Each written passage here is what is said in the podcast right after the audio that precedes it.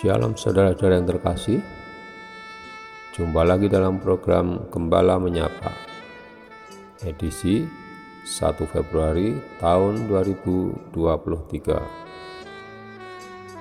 Pada saat ini akan kita beri judul Beriman seperti anak kecil Sebagai landasan ayat Alkitab diambilkan dari kitab Lukas 18 ayat 15 sampai dengan ayat ke-17.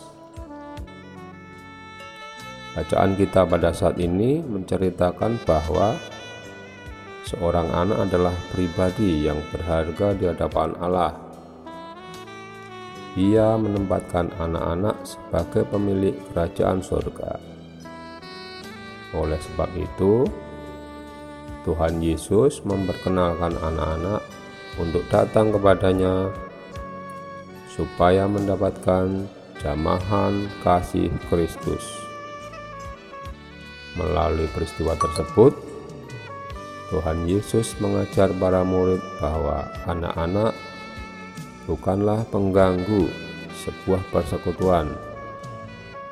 Justru mereka adalah pribadi yang harus diteladani agar kita pun menjadi bagian dari kerajaan surga seperti yang tercantum pada ayat ke-16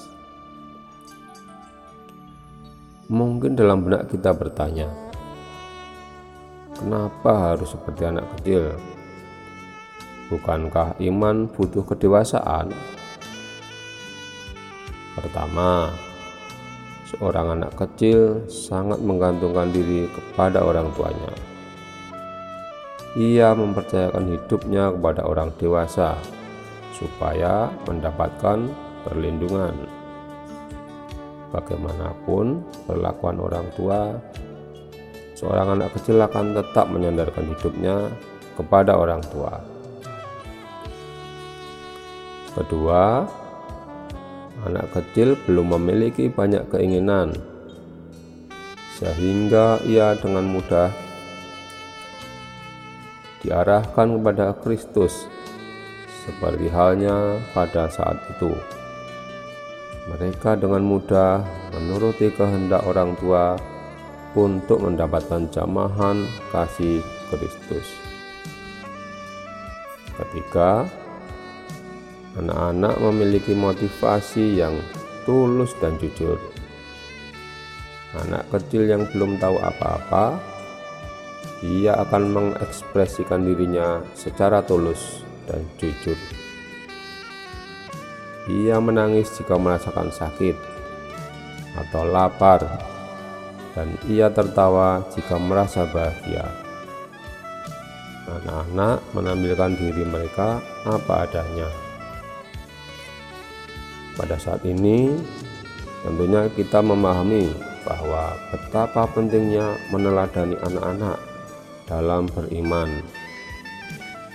Seperti halnya seorang anak yang menggantungkan dirinya kepada orang tua, rasa percayanya kepada orang tua, dan ketulusan serta kejujurannya untuk mengungkapkan hidupnya. Mari kita juga memiliki hati yang demikian.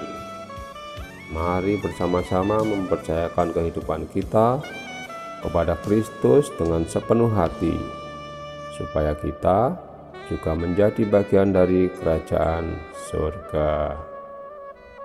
Demikian renungan kita pada saat ini. Kiranya Tuhan memberkati kita. Amin.